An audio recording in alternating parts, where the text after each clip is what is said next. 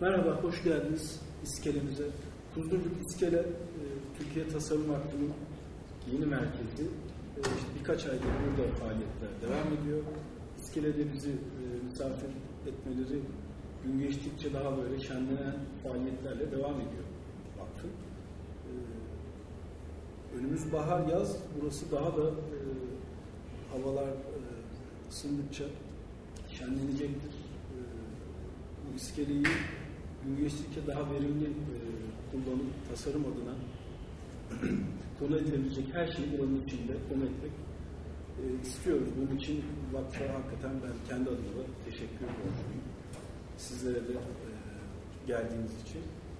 İskele'deki faaliyetlerden bir tanesi de e, şehir konuşmaları başlığı adı altında e, şehre dair tasarımcıların e, buraya gelip e, hem fikirlerini hem de bildiği e, tasarladıkları, projelendirdikleri e, işlerin süreçlerini, o projelerin arka planındaki düşünce ve fikir antrenmanlarını, kurgularını ve sürecin işleyişini paylaşmaları bu vesileyle de fırsat olursa onlara hem sorularımızı sormak hem de e, şehirle ilgili düşünceleri geliştirmek. Bununla ilgili ilk e, serinin baş başındaki ilk programı e, David Green ile yapmıştık. O e, bir İngiliz e, firmasının baş tasarımcısı olarak burada bizimle beraber olmuştu. Dünyanın çok farklı alanlarda, çok farklı coğrafyalarda nicelik olarak çok büyük projelerle meşgul olan bir tasarımcıyı dinlemiştik. Bizim için aslında bence önemli bir misafirdi. Çünkü İstanbul'da da tasarladığı işler var. Bize yakın Orta Doğu coğrafyasında yaptıkları birçok proje var. Bunlar e, fiilen olup biten bizim de sonuçta e, şahit veya maruz kaldığımız işlerdi. Biraz onun arka planına bakma fırsatı bulmuştuk. Nasıl yaklaşıyor acaba? Nasıl? Birkaç e, kendisine e, itirazvari sorularımızı sorma fırsatı da bulmuştuk. Çok besleyici, çok e, ufuk açıcı olmuştu. Bugün ise e, ikinci oturumda yine kent üzerine konuşmayı e, planladığımız ikinci oturumda Mimar Ahmet Yılmaz'ı misafir ediyoruz. Ahmet Bey hoş geldiniz. Hoş bulduk. Ahmet Bey benim e, sizlere hürmetsizlik olmasın diye abi diye hitap ettiğim, önemsediğim ve sevdiğim bir mimar. Mimar mimarlığı çoğunuzun malumudur. Ortaklarından İbrahim Hakkı Yiğit'le birlikte. E, mimar mimarlık e, takip ettiğimiz, önemsediğimiz bir ofis. Yaptıkları işleri e, hem merakla hem çoğunlukla takdirle e, izliyorum açıkçası. E, onların başarıyla sonuçlandırdığı bir projeyi konu edeceğiz. Başarıyla kastım şu, proje yine ölçek olarak, nicelik olarak gerçekten irice 40 bin konut yanlış hatırlamıyorsam. Evet. 40 bin konutluk bir alandan bahsediyoruz. Bu alanın bütün planlama sürecini bizimle açıklıkla e, paylaşmak üzere çok iyi bir sunum ve çok e, zengin materyalle geldi sağ olsun. E, proje sürecinin başından itibaren bütün eskizler burada, çalışma maketi burada, hepsi sizin incelemenize, katkınıza açık. Ve aslında sanırım süreci odaklanacağımız bir konuşma olacak değil mi? Evet. Abi hoş geldin tekrar.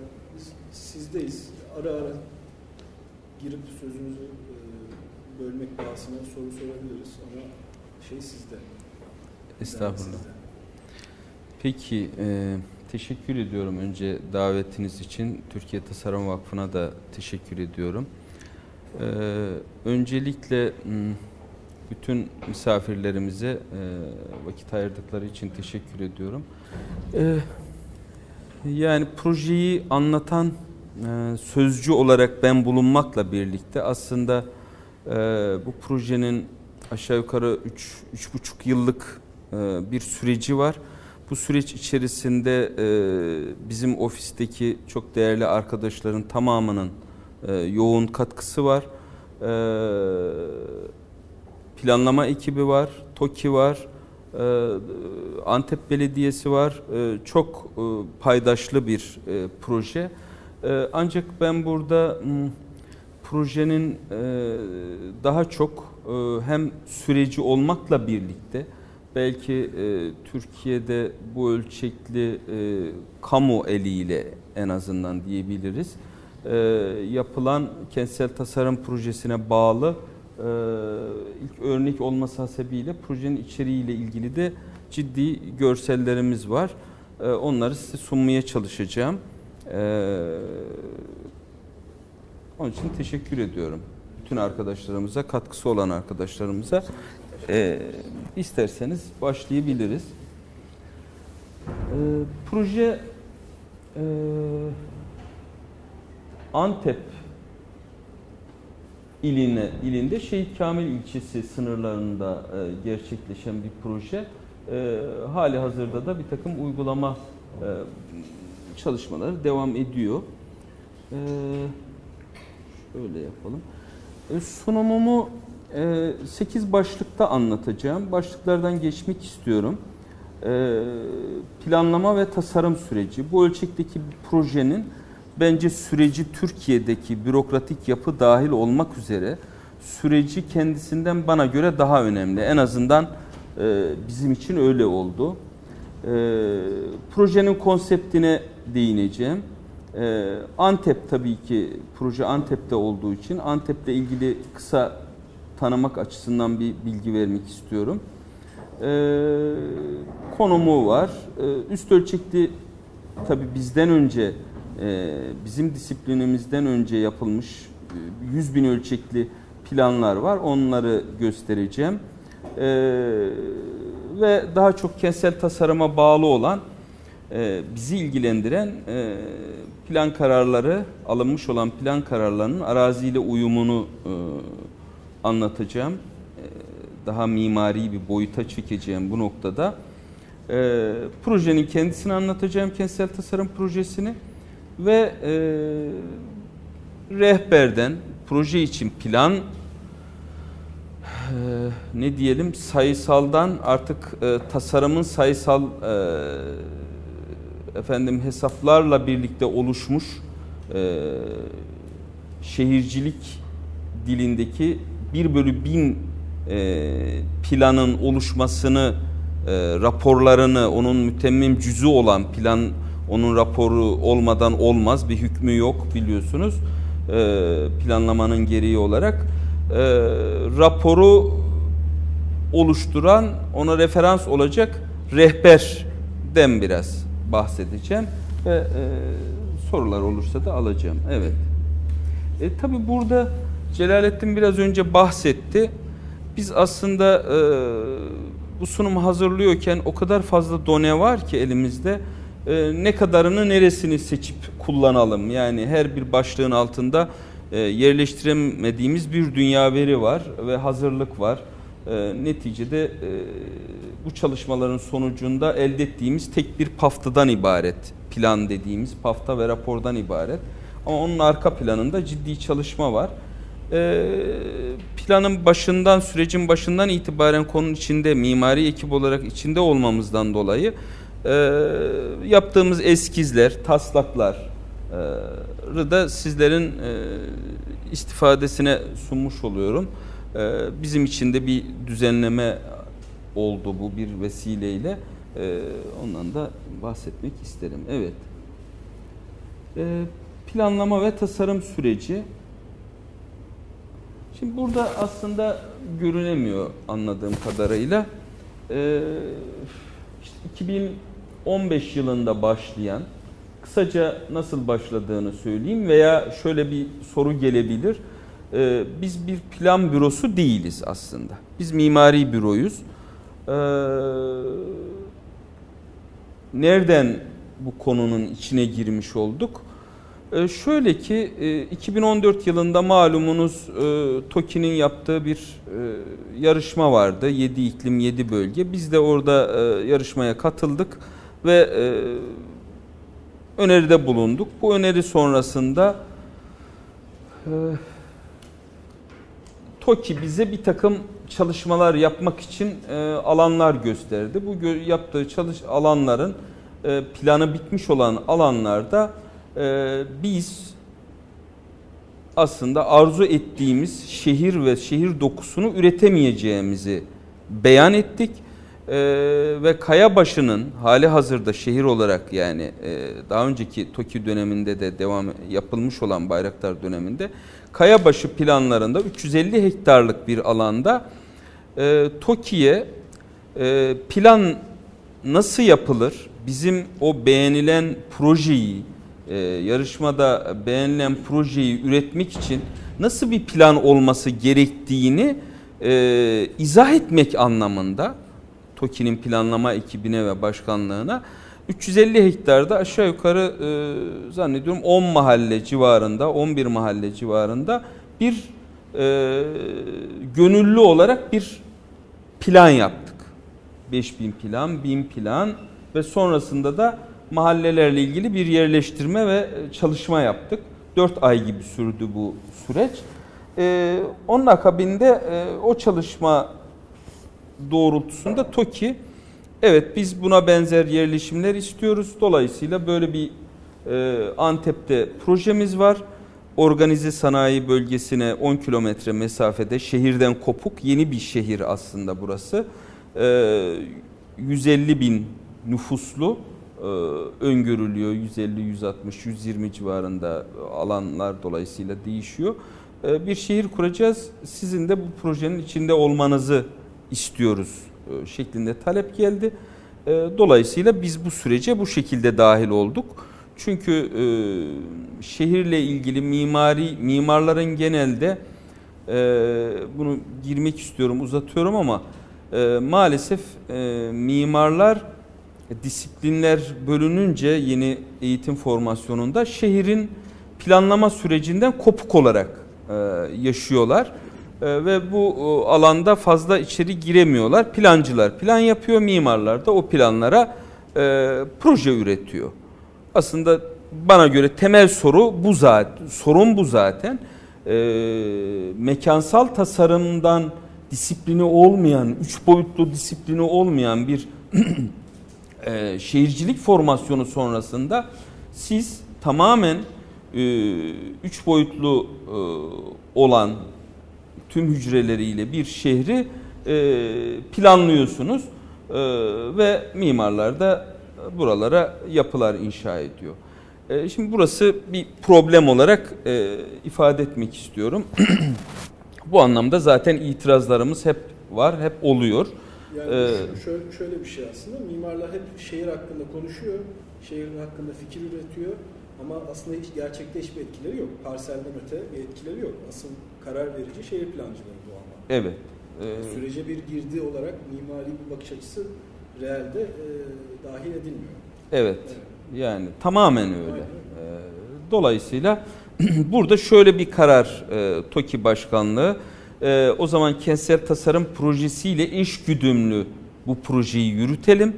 E, dolayısıyla mekansal planlamasını, kütle organizasyonunu, yoğunlukları filan e, mimari ekiple birlikte yürütme kararı e, aldı ve biz de bu sürece dahil olmuş olduk. E, süreci kabaca burada e, görüyoruz. Yani e, burada bir takım girdiler çıktılar var, kopuşlar var ee, buradaki bütün o süreçte konferanslar, çalıştaylar, e, yerel tabi Antep'te yapıldı birçoğu.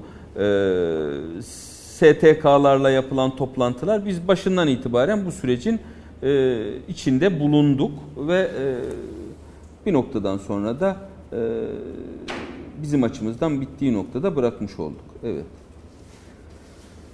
Ee, bunları biraz geçiyorum. İlk başlangıç noktasında bir danışma kurulu oluşturuldu TOKİ'de. Burada e, olmayanlar, olanlar hepinizin başka isimler de var sayamadığım, belki işleyemediğim bir dolu e, işte sosyolog, kent tarihçisi, plancıların bulunduğu ekiplerle bir danışma kurulu oluşturuldu ve bu kurulla birkaç toplantı yapılabildi.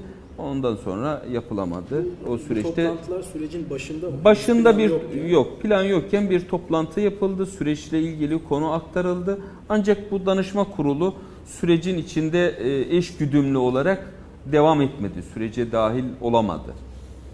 Evet. E, tabii bunlar bizim taleplerimizdi. E, evet. Devam etmeleri mi etmemeleri?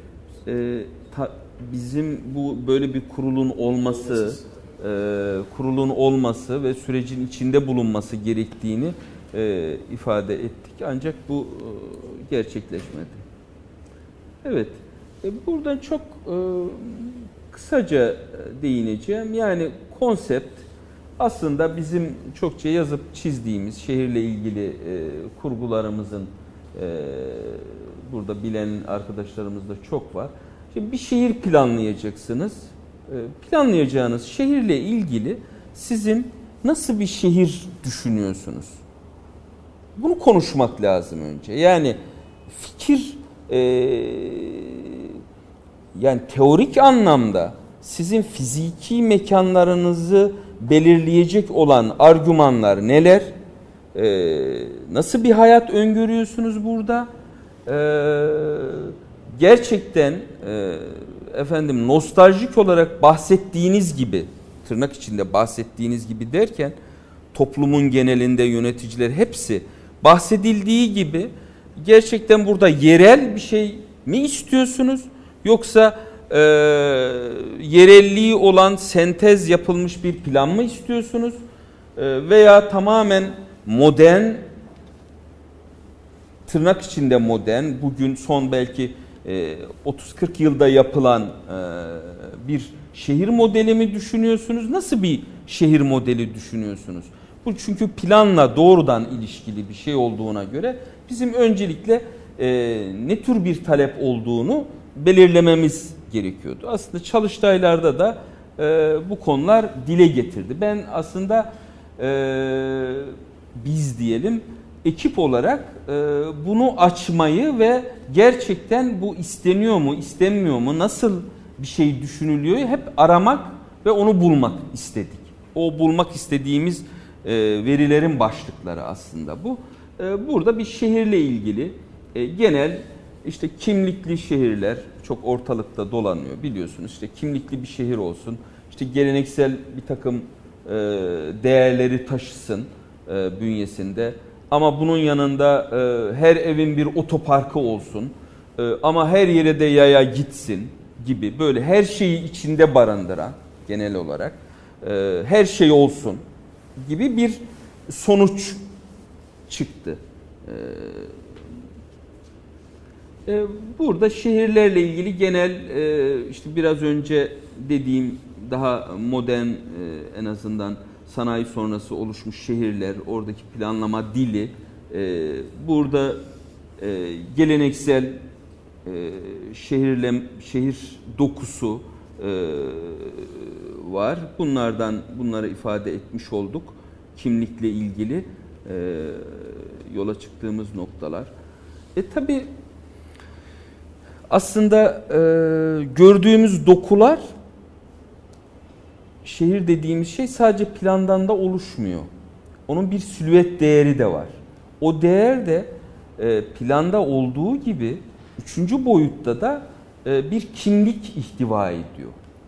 E, şimdi bu kimliği arıyorsak işte şehre baktığınızda siz bu şehrin nasıl bir kimlik, nasıl bir arka planla üretildiğini okuyorsunuz. Bugün de okumamız lazım ve bugün de okuyoruz yeni üretilen şehirlerde. Ya bu işte Katolik dünyasının ürettiği bir e, şehir e, örneği burada var. E, burada da işte İstanbul'dan bir panorama. E, burada da işte ne diyelim İslam dünyasının son halkası olan e, İstanbul'dan bir panorama var. Şimdi burada sadece e, anıtsal eserler egemen değil. Plan dokusunda gördüğümüz bir takım değerler var. Onları hissedemiyoruz doğrudan. Ancak onlar silüet boyutuna geçtiğinde şehrin işte e, tabiatla ilişkisi, anıtsal değerlerin öne çıkması, hangilerinin öne çıkması şeklinde bir takım e, kurgular planlamanız lazım. Onların nirengi noktalarını belirlemeniz lazım.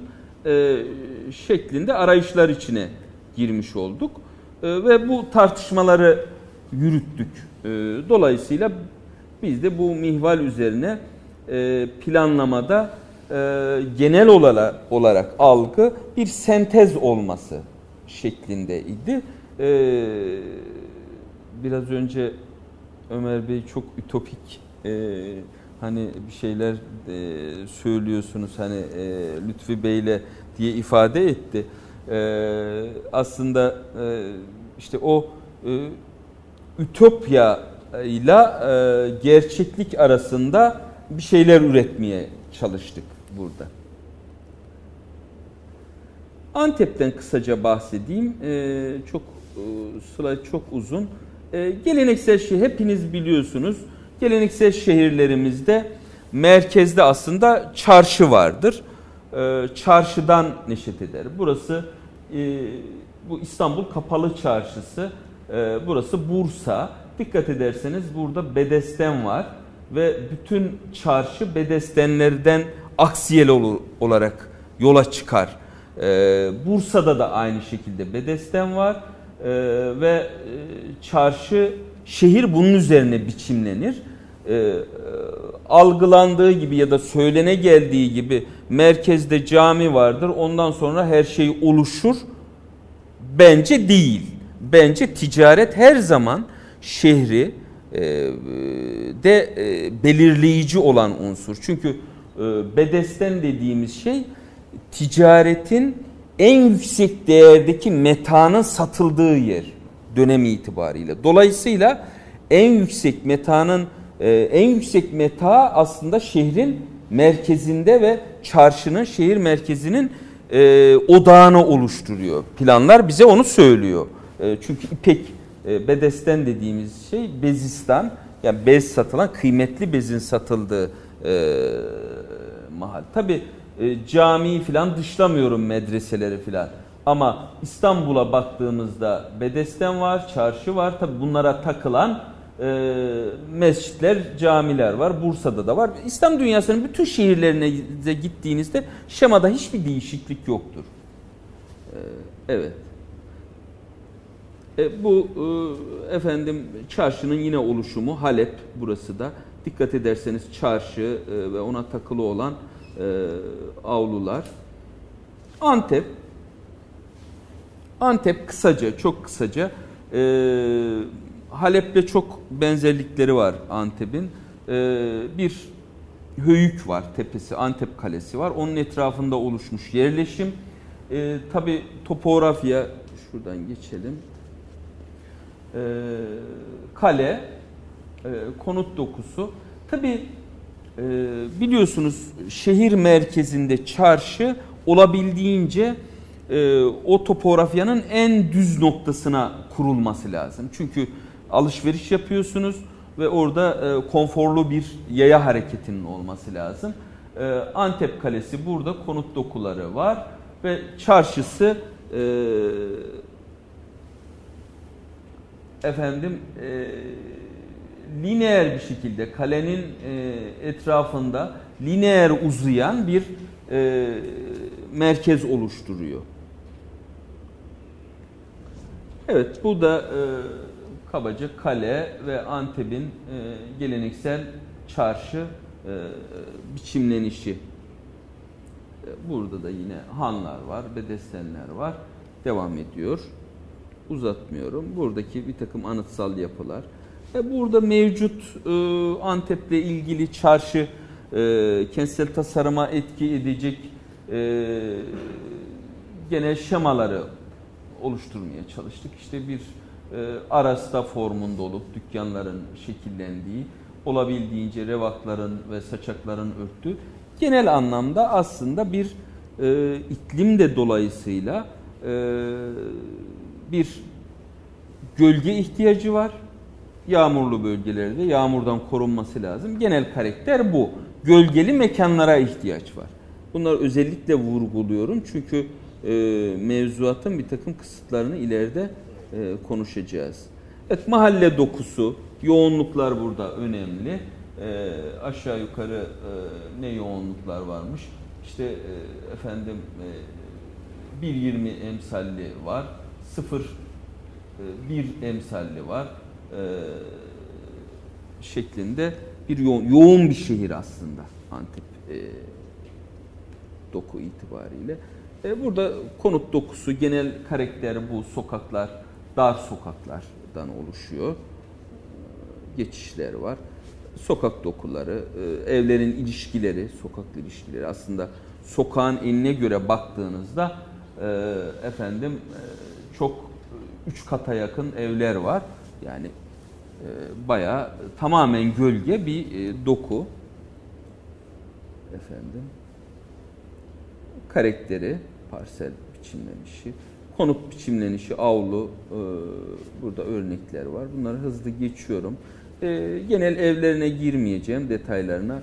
E, burada mimari unsurlar var, cumbalar, çıkmalar, taş e, biçimler. Bunları hızlıca geçiyorum. E, efendim, yapı elemanları. Evet. Yani Antep'le ilgili genel e, bir fikir herhalde. Yani proje yapacağınız alanla ilgili aslında genel bir fikir diyoruz ama ciddi bir araştırma bu. E, Orayı tab- anlamaya yönelik bir şey. E, tabi bu burada gösterdiğim aslında çok çok e, ne diyelim e, minik bir e, oranı. Yani e, bu sunum içerisinde çok çok e, kısıtlı e, almış olduk. E, Antep'i tanımamız lazım, iklimini tanımamız lazım. E, çünkü biz mimari yani mimar olarak e, üç boyutlu düşüneceğiz, mevcut değerleri düşüneceğiz. Çünkü orada bir tarihsel tecrübe var. Biz her ne kadar bugünkü teknoloji ve bir takım e, ne diyelim ulaşmış olduğumuz veriler itibariyle e, olsa da orada yaşanılan bir hayat var ve alışkanlıklar var en önemlisi. Yani o alışkanlıkları e, çünkü bu şehirde Antep'te oturan veya o bölgede oturan insanlar bir şekilde yaşayacak. Dolayısıyla biz e, o insanların alışkanlıklarına uygun e, planlama yapmak durumundayız. E, Antep merkezi proje alanı e, aşağı yukarı 20 kilometre gibi e, efendim e, ne diyelim kuzey e, batı yön aslında şurada merkez e, kuzeyinde görünüyor. E, Kahramanmaraş var. Yani mesafeler aşağı yukarı. Burası bir e, ilçe ortalama Anadolu ölçeğindeki yeni bir şehir. E, planlanan yer yaklaşık lokasyonlarını buradan görüyoruz.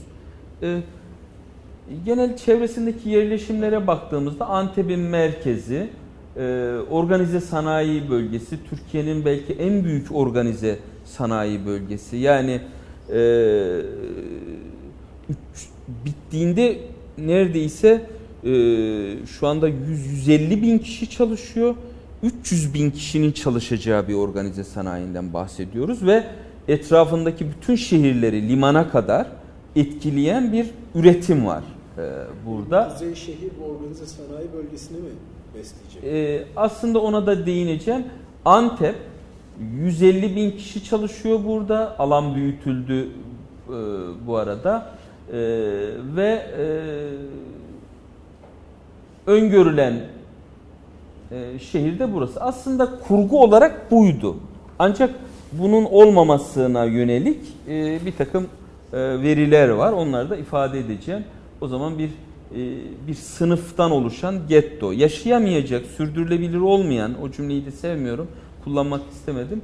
Ee, bir şehir haline gelsin istemiyoruz. Bununla ilgili araştırmaları da yapmış olduk. Yani 100 bin kişi neredeyse her gün e, bu mesafeyi gidiyor, Antep'in içinde kat ediyor ve tekrar geri geliyor. Büyük bir üretim e, var Antep'te. Ee, Kuzey şehir aslında organize sanayiyi ortaya alan, sanayi ortaya alan, şehirden kopuk iki noktadan insanların e, yani e, sanayi besleyen iki yaşama alanı gibi değerlendirilebilir. Evet. Ee, şimdi biraz önceki Celalettin Bey'in sorusuna e, geldik aslında. Ee, tekrar geri gelirsek. Ee, organize sanayiyi mi besleyecek? Aslında hedef bu. Antep'in e, belediyesinin şu anda da ciddi bir göçmen nüfusu var. Yani kendi nüfusuna yakın bir Suriyeli göçmen var. E, hedef e, ante, e, organize sanayiyi besleyecek bir yerleşim alanı. E, Tabii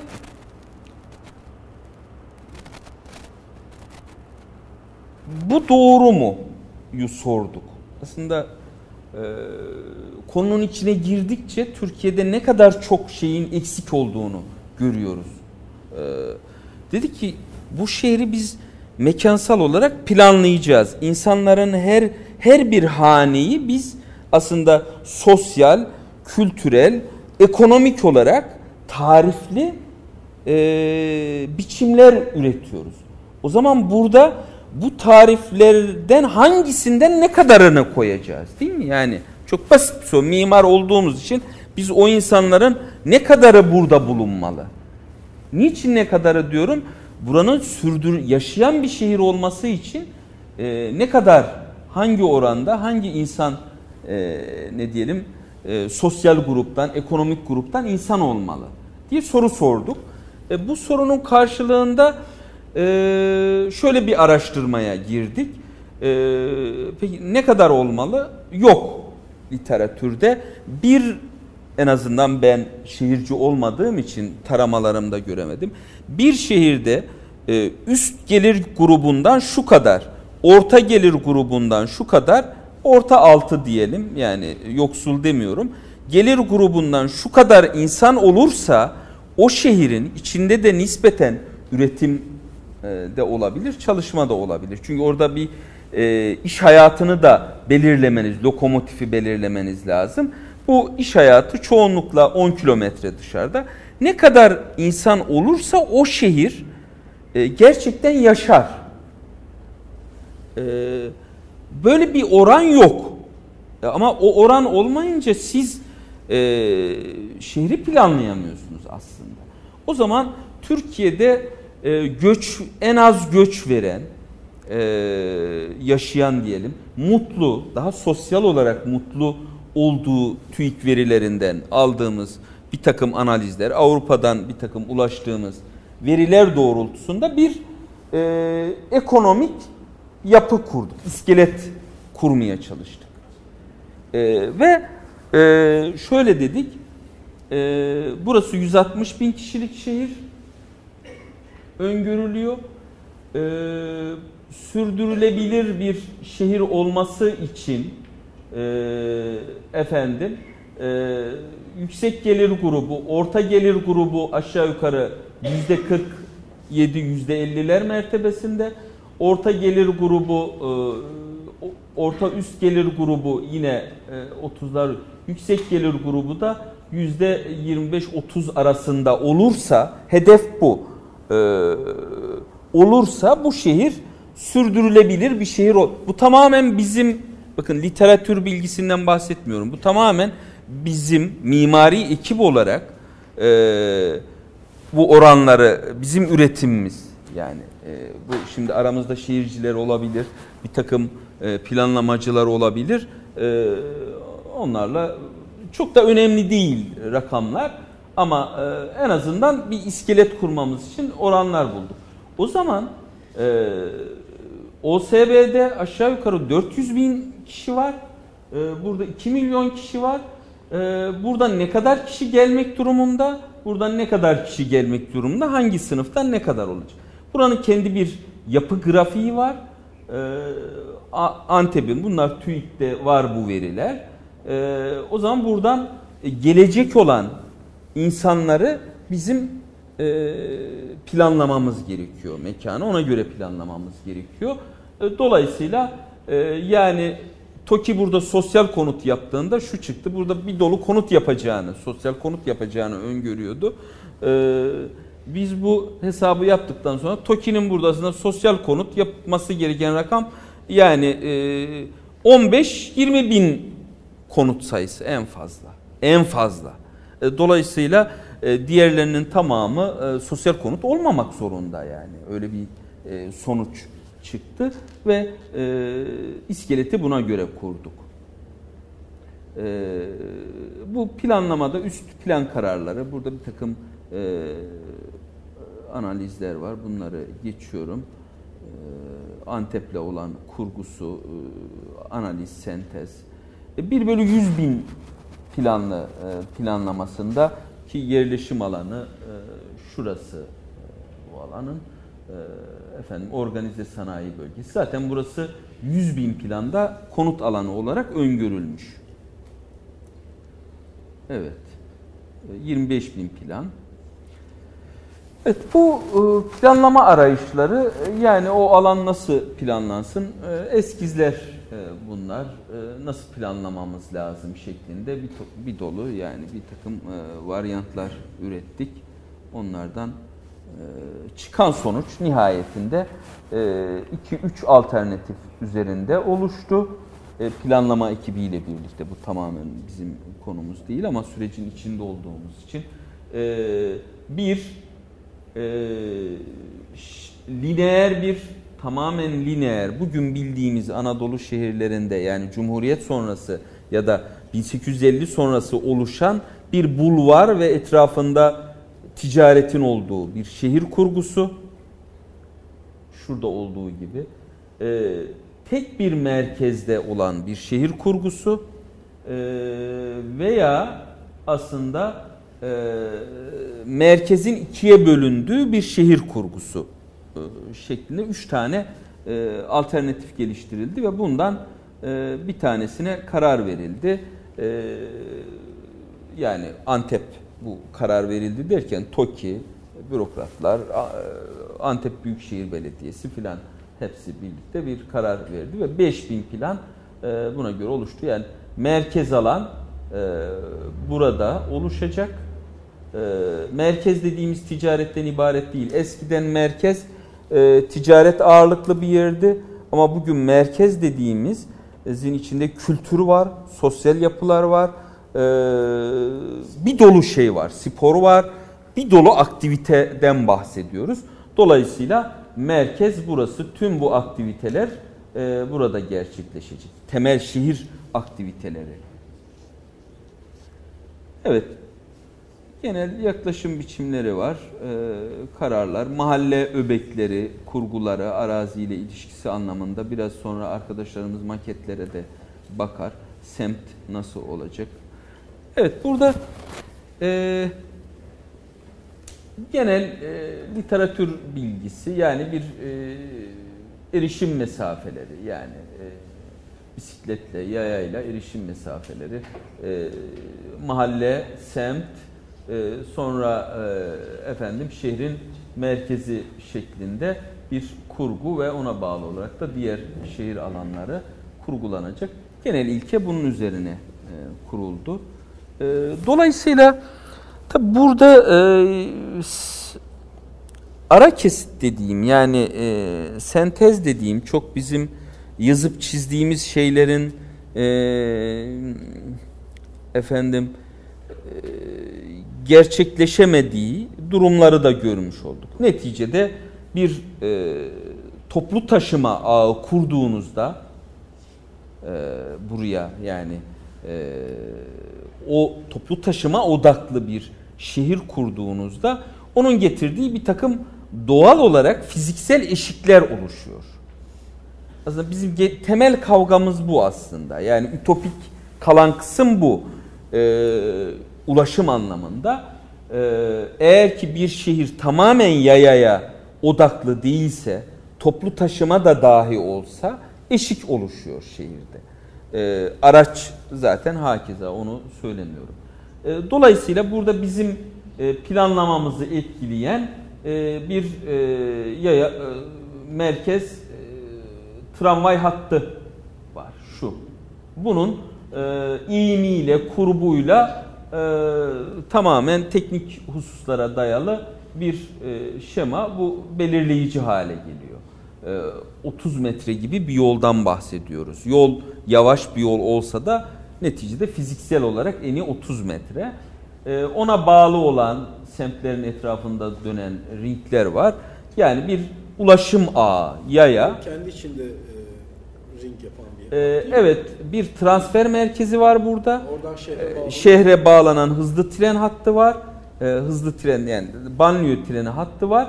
Ee, bu e, ring hattı, tramvay hattı buraya bağlanıyor e, ve devam ediyor. Bunun yanında toplu taşıma, daha e, küçük ölçekli toplu taşımalarda aynı yolu kullanıyor. Ee, tabii bu e, kurgu olarak baktığımızda e, bu dokuyu oluştu. Biraz önce bahsettiğim e, geleneksel şehirlerdeki dokudan bahsettiğimizde e, böyle bir tramvay kurgusu, yol ağı filan tabii ulaşımcılarla büyük mücadeleler verilerek bu kadar eğilip bükülebilen bir kurgu haline geldi. Onu da o mücadele aslında boşuna ulaşımcılarla olmuyor. Çünkü o geleneksel analizlerini yaptığınız dokuyla bugünkü şehrin arasındaki esas kırılma noktası ulaşımda evet. zaten.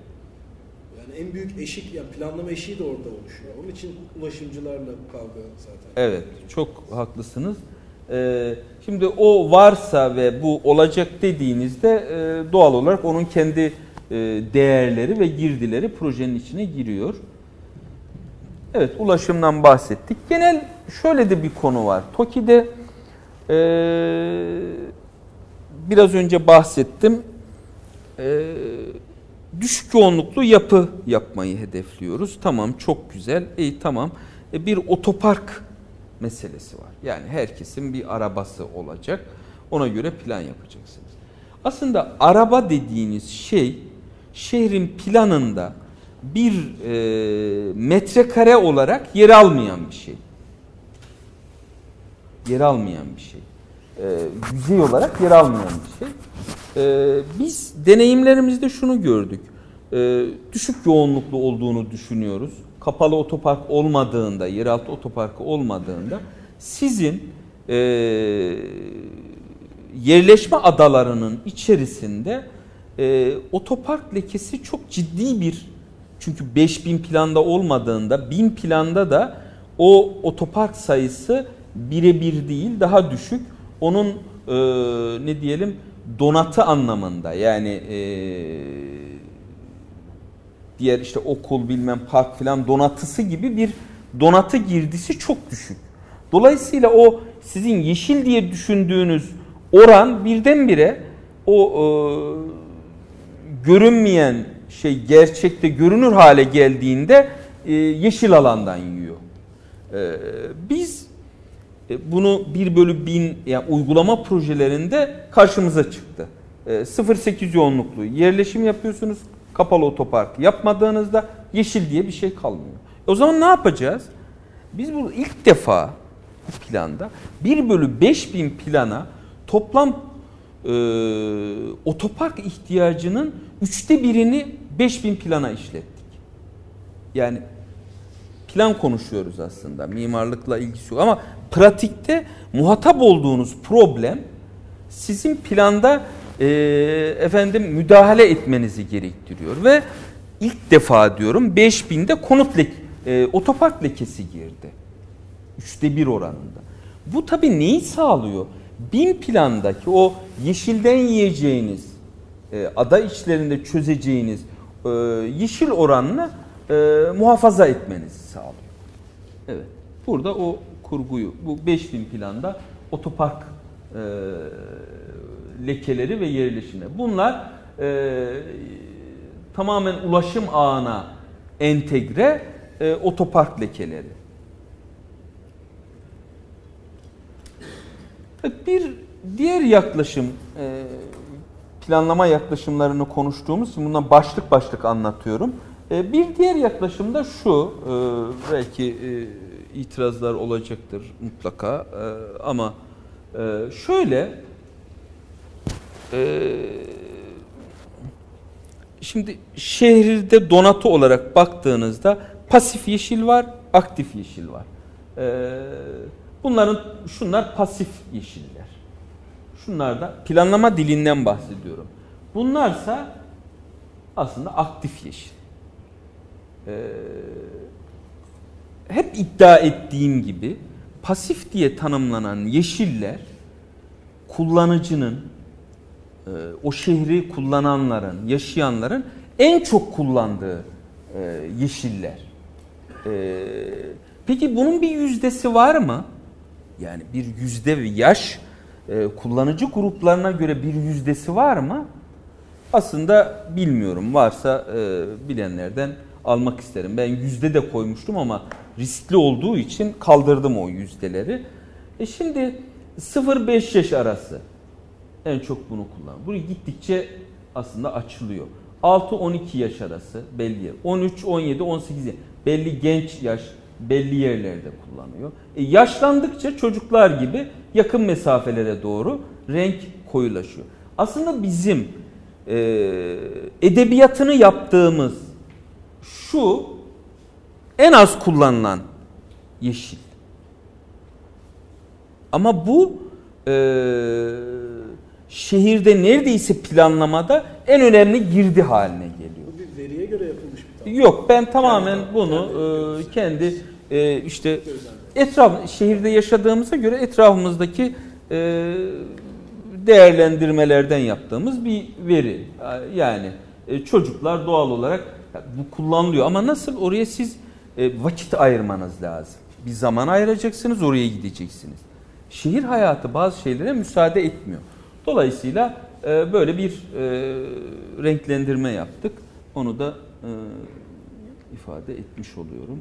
Bunlar sadece sorular, kafalarda bir takım şeyler sorgulamalara yol açsın diye ifade ediyorum. Evet, şimdi bu noktada e, biraz önce bahsettiğim 5000 planla ondan karar verilen 5000 plan var. Biz oraya kadar da sürecin içinde olmamıza rağmen e, biz esas kentsel tasarım projesinin başladığı noktaya geldik. Kararlarda bir takım etkilerimiz, sorularımız, değerlendirmelerimiz olmasına rağmen kentsel tasarım projesinin başladığı noktaya geldik. Elimizde bir 5000 plan var ee, ve biz buraya kütleler artık e, fonksiyon kararları verilmiş onları test edeceğiz. Doğru mu değil mi çek edeceğiz. E, araziyle ilişkisine kuracağız. E, dolayısıyla e, biz 5000 planı elimize aldık. E, aslında şurada var. E, 5000 planı elimize aldık. E, ekiple birlikte e, e, araziye çıktık. E, o ne zamandı? E, sıcak bir mevsimdi. İşte e, bu planlama 5000'in oluştuğu nokta e, Temmuz yani e, 2000 işte 2016 2017 Temmuz ayında yani sıcak bir e, zaman aralığında e, planları aldık. Hava fotoğrafının üzerine yapıştık. Araziye çıktık. E, neye bakacağız? 5000'de verilmiş merkez alan kararlarının kültürel, sosyal yani artık e, plan e, ne diyelim e, yüzümü bıraktım mimar yüzüme e, döndüm şimdi. E, o yüzümle gidip e, kendi bir takım şeyleri de kendimizin içinde olduğu kararları tekrar yerinde test etmeye gittik. E, eğimle ilişkisi, yaya yollarının, merkez alanın ilişkisi, nirengi noktalarının tabi maketle çalıştığımız için planı e, elimizde bir arazi var ama gerçek tabi e, de test edilmesi lazım. Biz bu nirengi noktalarını, semt merkezlerini, mahalle merkezlerini, e, okul alanları, cami alanları, kütüphanenin olduğu yer, kongre merkezinin olduğu noktaları tek tek planda gidip yürüdük. Tabi araziye daha önce de defaatle gittik e, ama e, bu gözle gidince e, şöyle söyleyeyim Temmuz ayında 40 ee, derecenin üzerinde neredeyse sıcaklık var. Kuru bir hava. Ee, tabii volkan yağmış gibi bir arazi. Burası bir plato. Ha, onu da söyleyeyim. İlk araziye gittiğimizde konu gündeme geldiğinde bizi e, belediye ile birlikte TOKİ daha 2015'lerde e, 2000 pardon affedersiniz 2016'larda e, alana götürdüler e, efendim Herkes çok mutlu. Şehirciler var, çok tecrübeli şehirci, e, bürokratlar var şehirci. Herkes mükemmel arazi. Yani çok güzel. Kamu arazisi olmak yanında bir bir de olabildiğince düz filan e, nasıl buldunuz araziyi filan diye konu oldu. E, ben de şöyle dedim yani herkes çok e, övüyor. E, Valla dedim yani bana göre burada şehir olmaz. Eğer olsaydı e, yani 10 bin yıllık tecrübeye sahip bölgedeki insanlık gelir buraya şehir kurardı yani. Niye kurmadı? E, yani e çünkü eteklerine kuruyor. İklim kuru, e, serin yamaçlarda kuruyor. E buralar mera bile olamayacak düzeyde zaten yürüyemiyorsunuz arazide. Taş, taş öbekleri var. Onlardan seke seke atlayarak gidiyorsunuz. E, sanki gökten taş yağmış gibi yani tabiri caizse bir alan. Yani dedim buraya olmaz. Ama e, Türkiye'de bir şehir, yani bir alan lazımsa ve bu kadar nüfussa yüzde sekseni kamu mülkiyetinde olan bir alan. Ne güzel, bomboş. Çünkü orada fıstık filan da ekilemiyor. E, doğal şey yok. Yani orman yok, bir şey yok. Tarım arazisi değil. E, dolayısıyla şehir kurulabilecek hazır bir alan. Müsait ama aslında uygun değil. Yani bence uygun değil yani. Çünkü ben tabi rüzgar alıyor filan sıcak ama yani inanılmaz sıcak e, güneş e, yakıyor. E, ben yine de kurulabilir. Bence sorun değil. Dubai'de şehir kurduğuna göre burada da kurarsınız. Ama alanın gereği ve iklimin gereği şeklinde düşünmeniz lazım. Bu mevzuatla mümkün değil yani. Mümkün değil. Dolayısıyla biz araziye gittik e, öngörülmüş röperleri e, inceledik. E, neredeyse e, 10 kilometreye yakın sabahtan akşama kadar yürüdük. Yani e, toprağa basmadık diyebilirim. Kertenkele bile görmedim. Yani e, sadece göletlerin etrafında e, doğal göletler oluşmuş arazide. Şimdi birazdan e, görürüz onu ileride. E, belki yakınsa buraya bakabiliriz bilmiyorum. Sunumun sonunda herhalde. Ee, böyle su içmeye gelen bir takım e, şeyler var. Onları gördük ee, ve böyle ben tabi döner dönmez e, bir rapor e, döşendim yani hemen.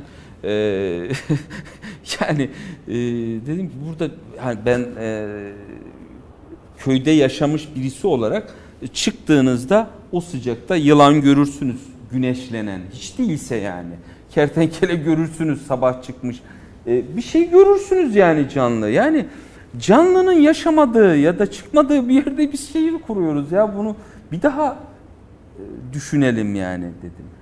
E, ama öneri getirdim. Bence bu Türkiye'nin temel sorunu planlama. Mimariyi geçsin plancılar. Yani e, e, Türkiye'nin her yerine hitap eden planlama mevzuatı ve kriterleri olamaz. Son cümlem bu. Türkiye'nin her yerine aynı fiziksel değerleri, aynı e, yol genişliklerini esas alarak siz Karadeniz'in dağında da aynı plan mevzuatı geçerli. Antep'in 45 derecelik sıcağında da aynı plan mevzuatı. Mimari falan geçelim. Zaten bunu kurmadığımız müddetçe biz yerel şehirde kuramayız. Yaşama alanı da planlayamayız yani. E, bilmiyorum Ömer Bey burada sosyal e, efendim e, yap şeyi çok iyi biliyor, takip ediyor, yönlendiriyor bazen. E, şehirciler arasında böyle bir tartışma var mı?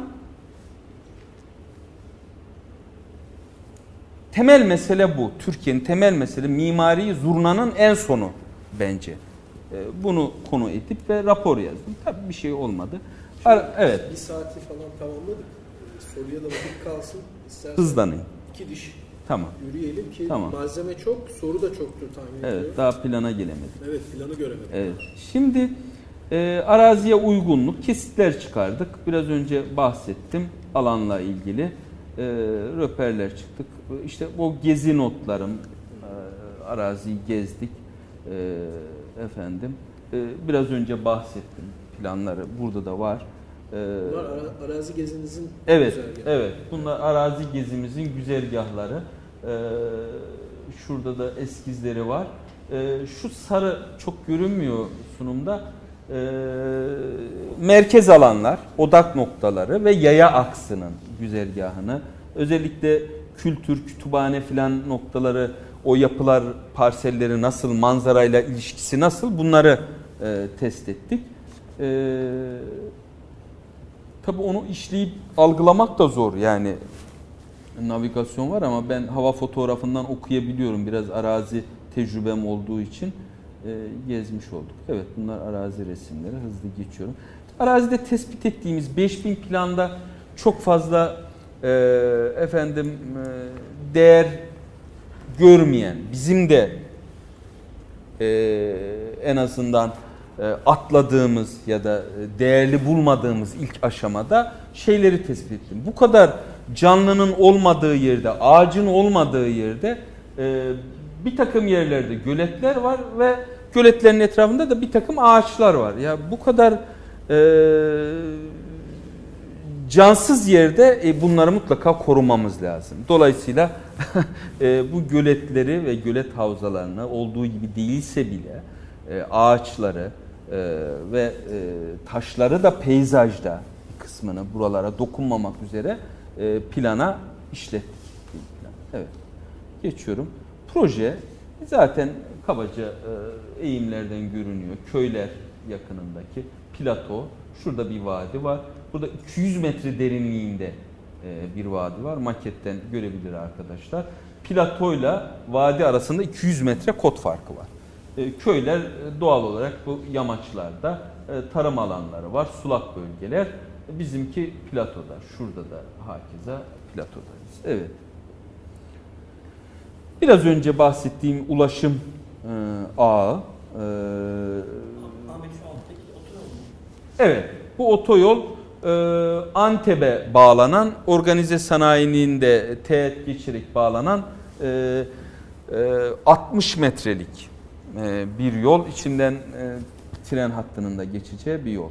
E, evet bizim alanlarımız bu otoyola e, teğet olarak geçiyor. Öncesinde bir takım kurgular oldu bunun içinden geçelim, viyadükle geçelim bilmem ne yapalım filan bunlara girmiyorum o tartışmalara. Bunlar çok istemedik açıkçası. Evet burada ana ulaşım arkasından ikincil mahallelerin içinden geçen ulaşım ağı sonrasında daha küçük yollar sonrasında e, konutlar geliyor e, ve e, yaya ağları var. Yani yaya ağı ile araç ağı birbirini ne paralel değil keserek geçiyor. Kurguyu ona göre oluşturduk.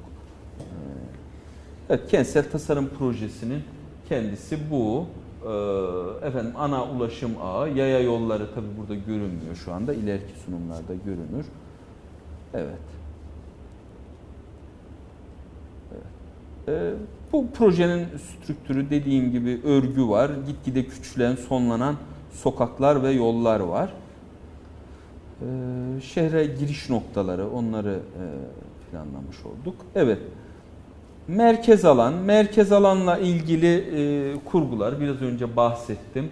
E, iki bölgeden oluşuyor onu dememiştim e, ve ana yolla bağlanıyor. Burada bir viyadük var ama e, teğet geçiyor. E, merkez alan e, bir e, kent parkıyla e, bölünüyor. Onun içinde tabii bir takım e, kültürel aktiviteler var. Merkez alanla ilgili de uzatmayayım şemalardan görülüyor. Aslında bir takım kurgular var. Ee, Bahçeşehir kurgusundan itibaren yani e, sanayi sonrası bir takım merkez kurguları var. Bu merkez kurguları e, genel bir e, merkez var. Onun etrafında şekillenen ticaret, sosyal, kültürel yapılar var. Bunları şema olarak ele aldık ve bir sonucunda e, sosyal kültürel ne diyelim sosyal kültürel fonksiyonlarla birbirine bağlanan iki ticaret öbeği var. Ama bu güçlü bir yayayla da birbirine bağlanıyor. Yani sosyal kültürel merkezde onun etrafında ticaretler var çoğunlukla. Onun etrafında da semtlere doğru açılan bir e, semt merkezleri ve mahalle merkezleri var. Kurgu bu şekilde gelişti. Burada e, tablolar görüyorsunuz. Abdullah burada herhalde. Arkada. e, e, burada ne diyelim itfaiyeden tabi planda bunlar girmiyor. Ama e, siz bir itfaiye alanı planlayacaksınız ya da ne diyelim sağlık ocağı planlayacaksınız değil mi? O donatı. Planda onun adı donatı. Yani lejant olarak. Ama bizde her kamusal fonksiyonun parseli belli. O parsel içinde kütle tasarımı var. Tab taksına göre e, hepsi tasarlandı. Dolayısıyla bütün fonksiyonlar şehrin ihtiyacı olan bütün donatıların ne kadar metrekarede ne kadar e, bunlarla ilgili literatürün çok kısır olduğunu ifade edeyim. Çünkü plancıların böyle bir arayışı yok. Yüzdeler var Excel tablolarında işte şu kadar nüfusa göre bunlar mimar için mekansal tasarım için çok yetersiz veriler. Ee, burada o detaylara kadar bütün konutlar için, semtler için dahil çalışmış olduk. Ee, biraz önce bahsettim. Ee, A, yaya A bu şekilde yürüyorken e, bu A ticarete entegre yaya A. Yani e, toplu taşıma ağını dik kesen bir yaya ağ kurgulandı. Evet bu e, B bölgesinin diğer e, bölgenin e, ticari. O bölge daha lineer. Merkezi burada. Çünkü alan bu şekilde. Ortasından yol geçiyor. Evet bu merkez. Burada öngördüğümüz biraz önce benzer karakterde çizim dilinde olduğu için söylüyorum Antep'i konuşuyorken. Burada da biz benzer karakterde merkezler oluşturduk. Yani e, bir takım arkatlar, revaklar yani daha e, bugünün ihtiyacı olan şeyleri karşılayacak bir çarşı ve e, bir takım çökertilmiş avlularla gölgelikli mekanlar kurduk kentsel tasarımda. Evet, bunlar da hızlıca geçebiliriz. Semt merkezleri, biraz önce bahsettiğim hassasiyet aynen burada da geçerli. Semtlerde ne olacaksa spor alanlarından diğerlerine kadar ee, bir e, yapılaşma. Evet. Ee, bu bir semt ticaret merkezi çalıştık. Ee, burada da bütün o ticaret merkezindeki e, büyük mağazalar, küçük konaklama birimi hepsi tek tek fonksiyon olarak ele alındı. O fonksiyonlara göre bir e, ticaret merkezinin, semt ticaret merkezinin mimari tasarımı yapıldı. Ee, bunlar bizden istenen şeyler değildi bu arada yani bizim e, yaptığımız şeyler. Evet mahalle merkezleri. Ee, burada görünüyor mahallenin merkezi. Bir mahallenin merkezinde ne var? Erişim tabi yaya odaklı dedim. Erişim esas ee, bir mahallenin merkezi var. O merkezde ilkokul olacak. İlkokul, orta, ilk öğretim okulu olacak. Bir takım küçük ticari birimler olacak ona bağlı e, efendim diğer alt bölgeleri var. Orada bakkallar bilmem neler olacak. Onların e, erişim mesafeleri var ve mahallelerde e, bu kurgu üzerine tamamı şekillendi. Merkezde park var filan. Evet. Mahalle ve alt bölgeleri, mahalle kurgulu alt bölgeleri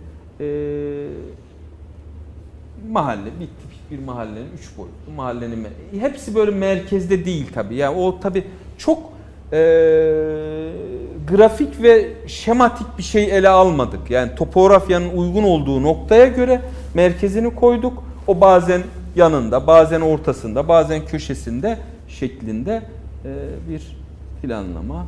Evet. Komşuluk birimi Burada şu oldu. Demin dedim ya nostalji çok güzel ama e, iş uygulama boyutuna gelince ne oluyor? E, şuradan geri geleceğim. Evet. Şöyle bilmiyorum görünüyor mu? E, bütün çalıştaylar her şey tamam çok güzel.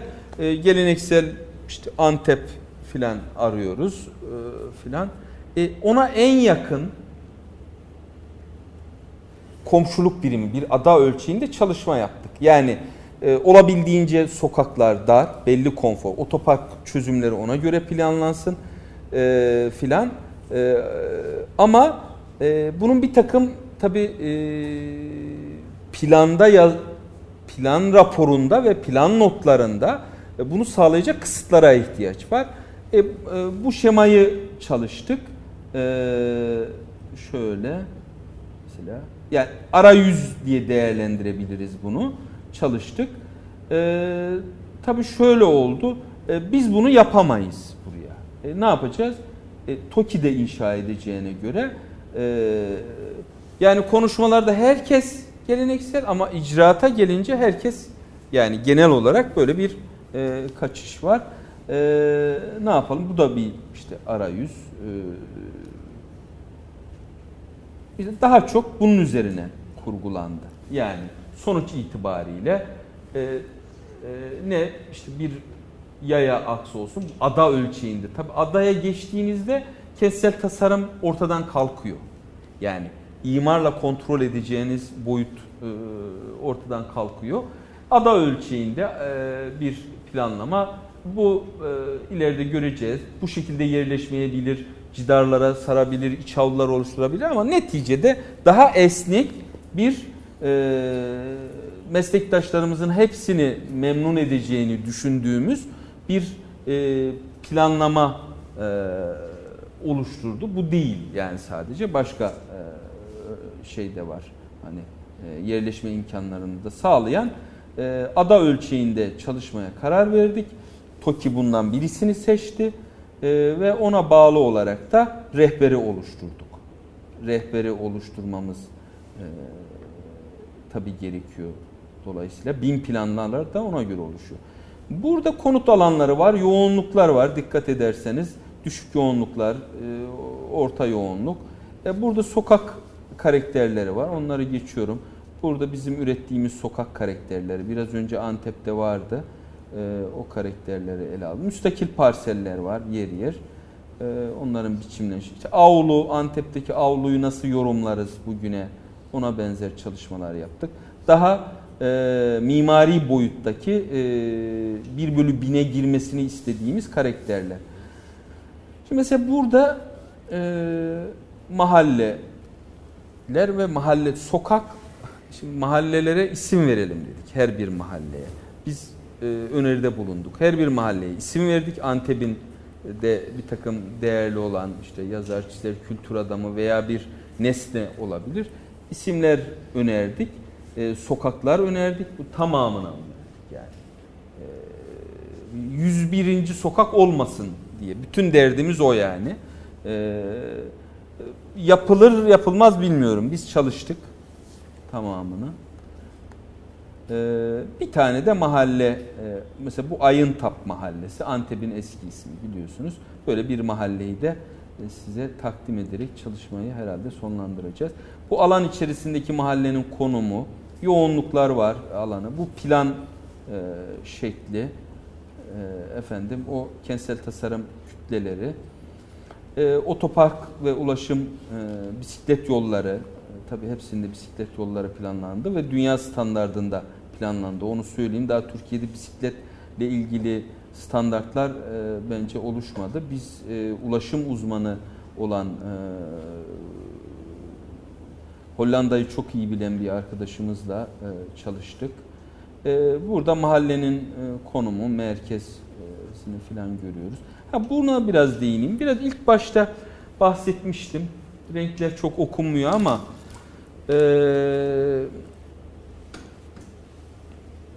ekonomik ve sosyal sınıflardan bahsetmiştik. E, biraz da kavgamız bunun üzerine e, oldu. E, şöyle ki genel kurgu şu bir yerde efendim müstakiller olacak, zengin konutlar işte sitede olabilir. Yoğunluklar düşük ona göre. E, bir yerde e, daha sosyal konutlar olacak filan. Bir takım bölgelemeler genel planlamada biz bunun olmaması gerektiğini aslında e, hedefledik. Yani e, o yüzdelik dilimlerini her mahallenin, her adanın içine soktuk. Yani burada 2 artı 1 ya da 1 artı 1, 2 artı 1 konut da olacak. Ona göre kütleler çizildi her birinde. 3 e, artı 1 konut da olacak. Aynı adanın içinde apartmandan bahsediyorum. Düşey kat mülkiyetli. E, hiç değilse orada daha büyük konut da olacak. Ona göre kütleler planlandı ve e, o e, sosyal yapının e, bir arada yaşayabileceği bir kentsel tasarım kurmaya çalıştık. Hiç değilse aynı sokağı kullanacağı e, bir müstakilde de küçük müstakiller, büyük müstakiller şeklinde sokağı kullanan e, çünkü müstakilde yaşayıp adanın içerisinde ya da düşey kat mülkiyetinde 4 artı 1'de yaşamayıp ama aynı paraya sahip tekil küçük bir müstakilde yaşayabilir diye öngörüde bulunduk ve e, kentsel tasarımı buna göre kurguladık. Ulaşım, yaya ulaşımı, biraz önce dediğim A, e, evet, e, bisiklet yolları, e, otoparklar, adalar, kentsel açık alan. Biraz önce e, o, o alandan bahsetmiştim. Resim bir köyü görüyoruz. İşte gölet gördüğünüz gibi. E, yani burası e, gölet bir ağaç var. Bunları koruduk efendim. E, bu iyi yeşilli bir vakitteydi. Biz çok gezdiğimizde son o gezide kuraktı. E, yeşil ve e, şey hani e, kentle ilişkisi, yaya yolunun yeşille ilişkisini burada meydanların e, anlattık. E, çok uzun tabii konu girmiyorum. Kentsel tasarım e, peyzaj anlamında ne tür ağaçlar? Yani e, kent merkezinde hangi ağaç ekilecek merkez alanlarda? Parkta hangi ağaç ekilecek? E, mahalle adalarında ya da konut adalarında hangi ağaç ekilecek? Tek tek ağaçlarla ilgili peyzaj e, e, disiplinle bir araya geldik ve çalıştık. Yani bazı yerleri olduğu gibi bırakmalıyız. Eğer kentte e, kent parkına denk geliyorsa oraya lütfen müdahale etmeyelim. Volkanik taşlar dursun yani şeklinde e, bir öngörüde bulunduk. Bununla ilgili dünyadan örnekler olduğunu e, söyledik. Tabi işlenmiş bir yüzey. Biz daha ham bırakmayı öneriyoruz. E, evet. E, evet bunları geçiyor. Burada ağaçlardan bahsediyoruz. Hangi ağaçlar yetişir onlara da girdik. Ee, şimdi burada şeye giremeyenler yani ne diyelim sunuma giremeyenler ya da plana giremeyen e, notlar var. Mezarlık alanları. Şehrin dışına itilmek istenen e, çoğunlukla e, alanlar. E, biz e, şehrin yakınlarına koymak isterken mesela bu konuda çok çalıştık. E, bu nedir? E, bir sonuç çıkardık buradan. Ee, kısaca bundan bahsedeyim mimari bir konu olduğu için. E şimdi emsal 0.60 ise 1 hektarlık bir kare e, yeşil alan konut otopark dengesi. Yüzey olarak bakıyorum yani tamamen. E, konut yüzeyi %20, otopark %13, yeşil alan %60. E, kütle anlamında baktığınızda böyle bir dağılım var. E, bu 0.60'da 5 kat olduğunda dağılım bu. E, oranlar yeşil artıyor. 7 kat olduğunda e, yani kentsel mekan olarak bakıyorum. 0.80 Evet. evet, evet. Ee, üç, yeşil aynı kalıyor değil mi? Evet. Şimdi burada emsal 0.8 olduğunda 3 kat gördüğünüz yoğun, daha yoğun. 5 ee, kat olduğunda e, bu, işte 7 kat olduğunda bu. 1 ee, olduğunda emsal burada çoğunlukla 0.60, 0.8, 1'di. Plan sona gidiyorken ne oldu bilmiyorum. Bir kısım değişiklikler olduğunu e, duyumları alıyorum. 3 kat e, emsal 1 olduğunda biz az katlı yapı yapacağız hikaye olamaz teknik olarak. E, çünkü biz bunları e, bir takım projelerde gördük yani bizatihi yaşadık. Sanki bir normalmiş gibi ya da 0.8 az kat yapmaya uğraşmayacaksınız orada. 5 e, kat yani demek ki burada e, yani birse eğer e, belli oranda denge tutturacaksanız 7 kat olmak durumunda. Yani oran şu, emsal 1 ise makul bir yeşil oranı 7 katlı olmak durumunda binalar. 0.80 ise 5 katlı, 0.60 ise 3 katlı olabilir. E, bu oranları biz planın içinde e, 0.60, 0.80 bir şeklinde yoğun dağıttık. E, bunları oraya giremedik. Mesela bu da biraz önce bahsettim eşikten bahsettim. Şimdi bu tabi 20 metrelik bir yol da daha belki küçüğü var mıydı? Ee, bir küçüğü de burada göremedim ama ee, 5 5 10. Yani şöyle söyleyeyim. En küçük imar yolu 10 metrelik imar yolunda bugünkü mevzuatta siz e, yapılar arasındaki yani gölge falan attıramazsınız yani.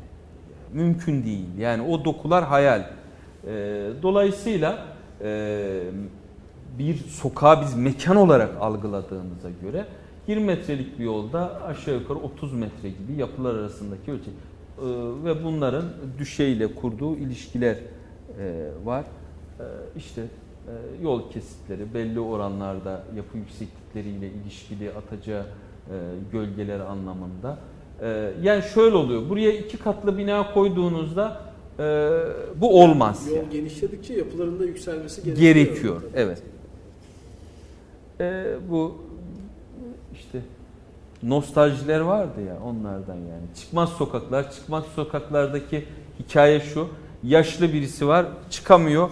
Çıkmaz sokakta oynayan çocuklardan ekmek aldırıyor ya da bilmem ne yapıyor filan. Romantik el çizimleri. Evet, e, bu Bekir'in çizimleri. Çeşme çocuklar top oynuyor, elini yüzünü yıkayabiliyor. Çeşme koymamız lazım. Koyduk mu arkadaşlar çeşme kentsel tasarıma? Koymuşuz.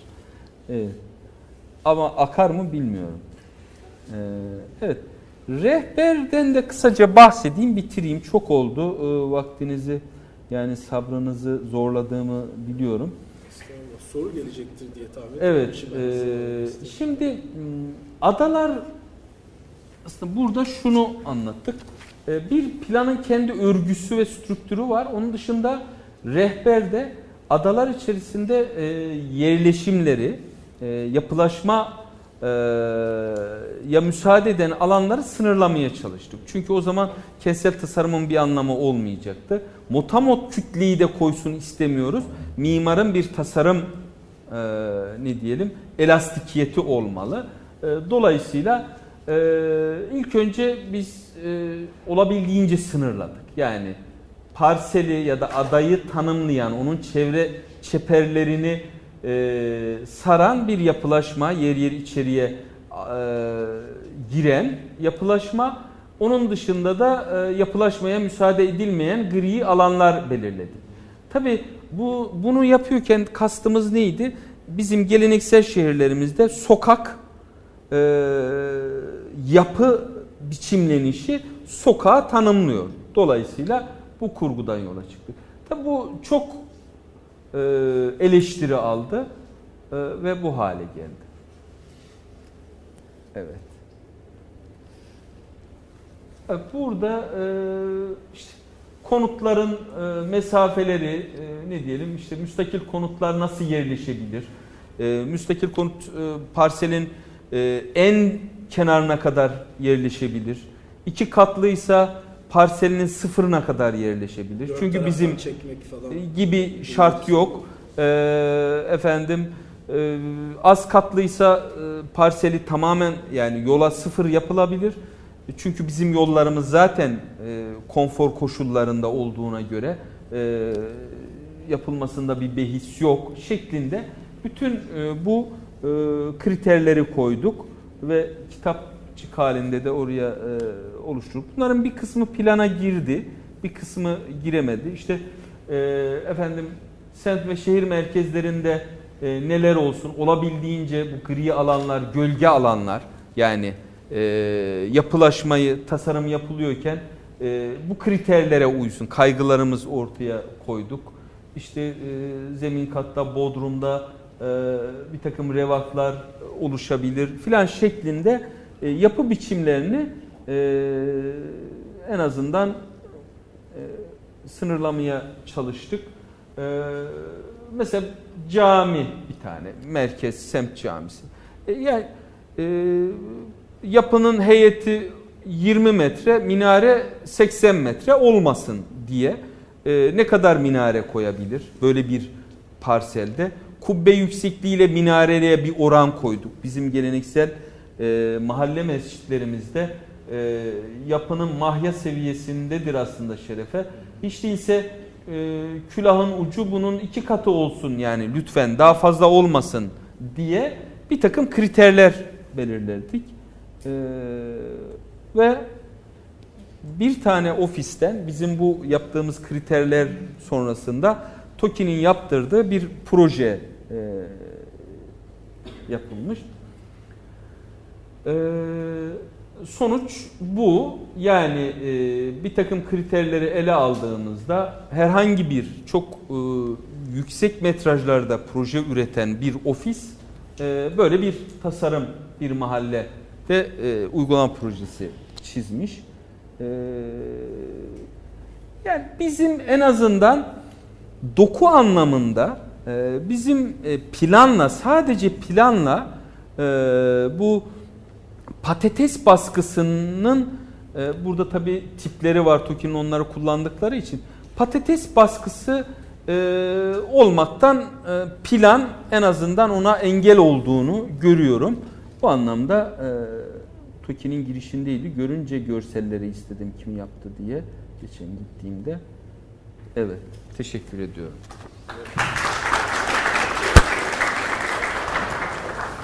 Biz teşekkür ederiz. Son e, bahsettiğim sunumla bunun arasında e, aslında inanılmaz büyük bir kontrast var. Bu da çok isabetli iki seçim ardı arda e, yaptığımızı bana hatırlattı. Çünkü yaklaşımımız çok ağırlıklı derecede yerel e, değerleri, mahalli değeri, coğrafyayı e, ve oraya özgü olmalı, olma e, durumunu çok önemsiyor ve bunun üstüne çok kafa yorduğu için hatta dediğimiz Türkiye'nin her yeri için aynı plan e, çalışamaz e, vurucu cümleydi. Bir önceki sunum ise daha başka bir yerden bakıyordu. O e, sadece bir ülke için değil, bütün dünya için neredeyse ortak çözümleri olabileceği ve bunların çok uzun dönemler geçerli kalabileceği üzerineydi. İki farklı görüşü aslında dinlemiş olduk. Çok detaylı da oldu. Teşekkür ederiz. Beklediğimizin biraz üstünde oldu süre olarak. Herkes e, ama ilgiyle izledi anladığım kadarıyla. E, soru varsa onu alalım. E, isterseniz salonda öyle devam edelim. Soru sormak isteyen varsa alabiliriz bir kişi var. Bir sürekli. Sesiniz kayda gelecek mi burada? Kamera var bir yerde. ee, önce emeğiniz için çok teşekkür ediyorum. Çalışmanızı paylaştığınız için. Ahmet'e. Güzel bir çalışmayı hani ne olursa olsun geldiği sonuç açısından realize olur olamaz.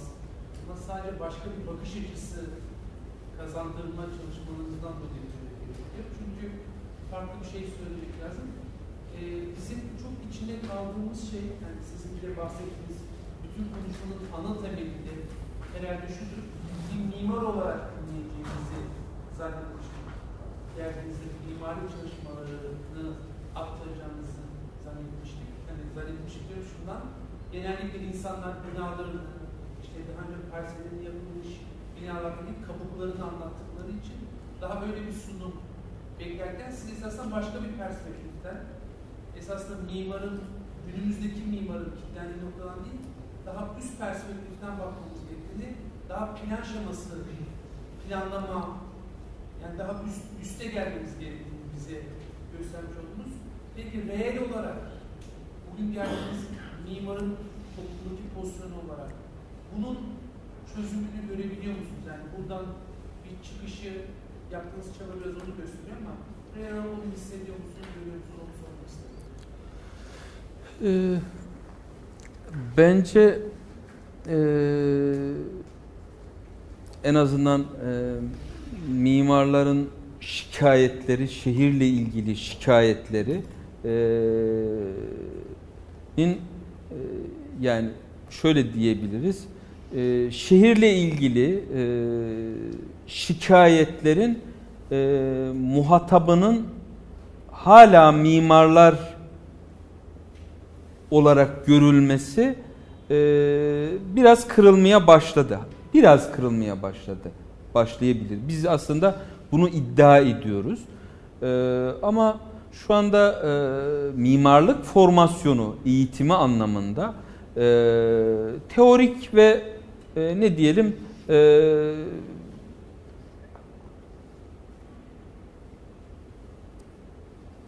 yani mimarın merakı dışında sosyal meselelere veya şehir meseleleri ile ilgili teorik okumalar dışında mimarın e, kendisinin nerede durmasına dair en azından e, eğitim, mimarlık fakültelerindeki eğitim e, bence e, o noktaya gelmedi. Yani düşündüğünüz noktaya gelmedi. Zaten temel mesele o. E, şehircilerin de şunu demesi gerekir. Biz e, mekansal planlamayı yapıyorsak biz aslında aldığımız eğitim bizim için yeterli değil demesi gerekir. O zaman ya birlikte çalışmaları gerekir. O zaman mimarın da şehircilikle ilgili üst ölçekli e, en azından e, biraz formasyon alması ve birlikte çalışması gerekir. Yoksa tek başına mimar bunu yapamaz ki biz e, mimar şehircilikle ilgili konu yani e, büyük bir şehircilik ofisiyle birlikte bunu çalıştık. E, ama ilkeleri anlamında bizim sorduğumuz sorular e, ve ne diyelim e, ilgilendiğimiz alanların e, şehircilik alanında karşılığı yok. Hiç düşünülmediğini gördüm. Yani e, yok böyle bir hani e, ya bu ne ki hani oluyor. O anlamda e, biraz daha vakit var ama en azından e, biz bu görüşmeleri veya bu toplantıları mimarların şehir ölçeğine çıkmaları gerektiğini düşünüyorum. Aksi takdirde e, tanımlı parselde kabuk tasarlayarak ömrümüzü geçiririz yani.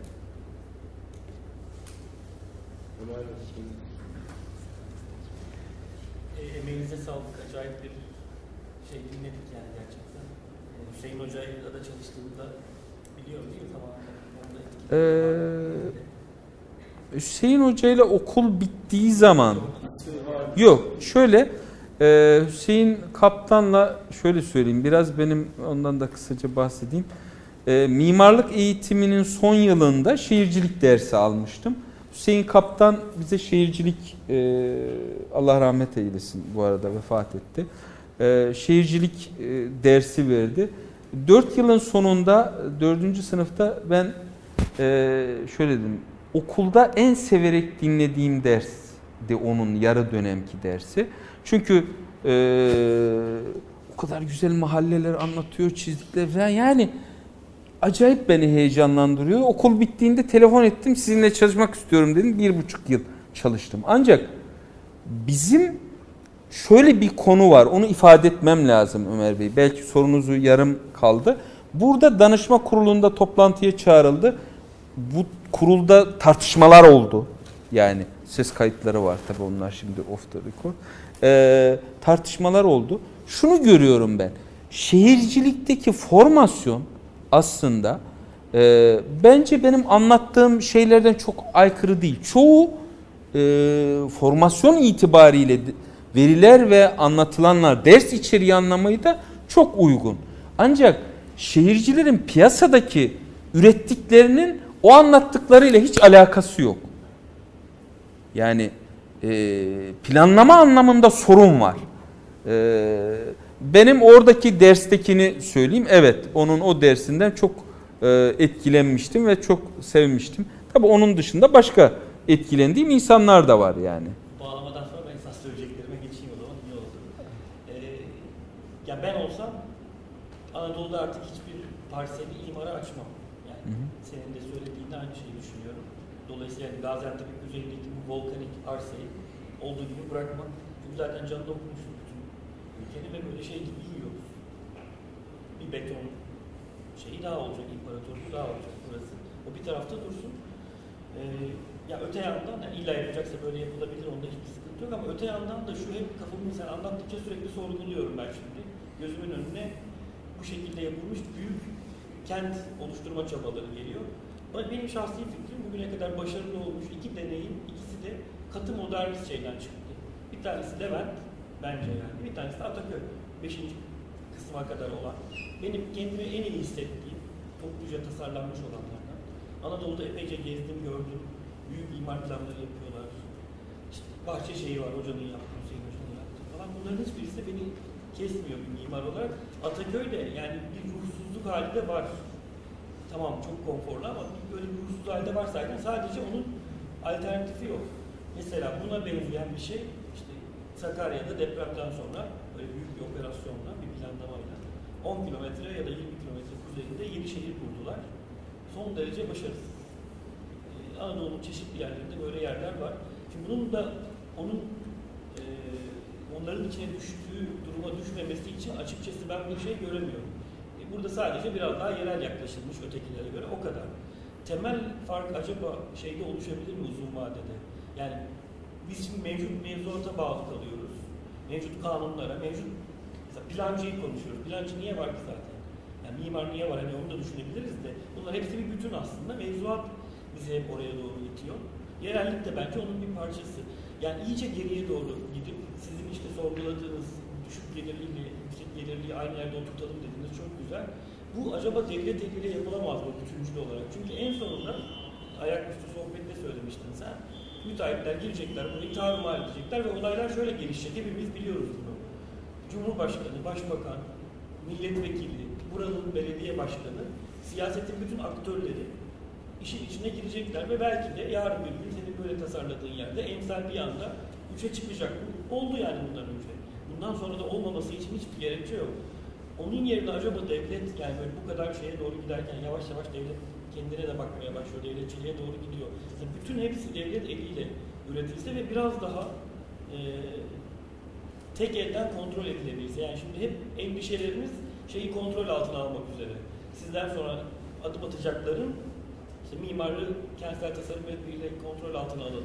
TOKİ'yi aman kontrol altına alalım. Büyükşehir Belediyesi'ni kontrol altına alalım ama bunlar kontrol altına bence alınamayacaklar. Yani bundan önceki tecrübeler alınamayacaklarını söylüyor. Dolayısıyla daha temel bir şeye ihtiyaç var bence. Temel bir müdahale. O temel müdahale de mimar plancı tartışmasından öte yani siyaset, rant ve finans orada bence dönüyor. Devlet bunu kendisi yapabilse mesela baştan girişim. Fakirlere de gerçekten ücretsiz versin. Muhteşem bir şey olmaz mı acaba? Oralar sorgulanmaz mı? Yani TOKİ'nin yapısını değiştirmeye kadar gidiyor benim önerim ama e, işte bu da böyle kafamda dolaşan şeyler yani. Sağlık. Evet. Tabii oralara biz müdahale edemiyoruz. Bizim müdahale alanlarımız var. Sadece kaçakları önlemeye çalışıyoruz. Bizim yaptığımız o. Eğer e, ama şöyle katılmadığım nokta var. Türkiye'nin e, geldiği yani diğer o saydığınız e, şehirleri, mutlu olduğunuz yerler itibariyle onlara girmiyorum hani onlar ama mesela Kemal Ahmet Arun'un Türk Kenti kitabı bence çok güzel bir kitap. Ancak demin dedim ya sentez yok. Yani ara kesit yok. Övgüyle bahsediliyor Türk kentinden. Ancak geliyoruz bu tarafa buna dönüşüyor. Oysa ki orada arayışlar var bunu göremiyorum. Yani burada mesela bir tarihi kente müdahale yapıyorken ki planı var. E, Cansen'in planı var Antep'te ve daha sonra da planlar. Oraya geldiğinde birden e, sanki resetleniyor başka bir şeye geçiyor. Yani kent morfolojisine baktığınızda e, herhangi bir şeye baktığında bir uyum arıyorsun. Bunu göremiyoruz. Ben e, burada aramak istediğimiz bu. Yoksa yes yeni şeyler çok ütopik şeyler de yapmıyorum. Sen planlama anlamında bir e, dil hiç değilse bir uyum arıyorum. Bu mümkün mü? Bunu sorguluyoruz. Ulaşımın bütün o e, ağır kriterlere ve şey taleplere rağmen e, o ara kesiti aramaya çalışıyoruz, buluyoruz. E, bizim biraz e, kaygımız bu gerçekleştirilebilir mi en azından diye proje düzeyinden bahsediyoruz. Diğer kısımda da Türkiye'de siyasi ya da işte niyelim ne diyelim Türkiye'deki şu andaki tartışmalar itibariyle siyaset eğer bu kadar şehir konuşuyorsak bütün o onların kim yaptı, ben yaptı, o yaptı tartışmalarına girmiyorum. En azından vatandaşın e, işte bunu söyleme ihtiyacı hissediyorsa aslında genel anlamda toplamda bir e, rahatsızlık olduğu algısı bende var. Dolayısıyla eğer uygulanacaksa bu dört dörtlüktür demiyorum. Uygulanması için bence gerekli ortam var. E, çünkü diğer müteahhit e, ne diyelim azman ihtiyaçlar, rantiyeler bilmem ne bunlar çok fazla e, yapıldı, tüketildi. Bunların sonuçları beklenecek bugün itibariyle. E, ortam olarak yapılabilir umudu taşıyorum ama bilemiyorum tabi. E, belediye çıkar, meclis kararı alır ve orayı değiştirebilir. Yetki yasal olarak önünde hiçbir engel yok. Evet. Bir soru daha var.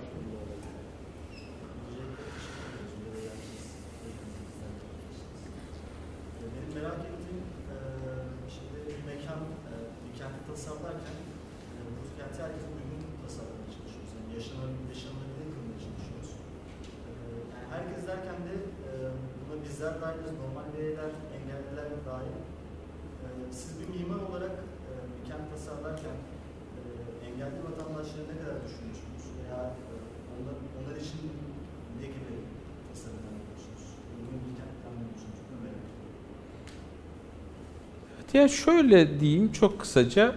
Ee, buradaki hmm, e, tabii engelli şeyi çok geniş. Ee, yani e, hangi ölçekte fiziksel engel. Ee, biz yaya akslarını, e, araç bir takım topografyayla ilişkisi. Neticede dümdüz bir arazide çalışmıyoruz. Fiziksel engel anlamında bahsediyorum.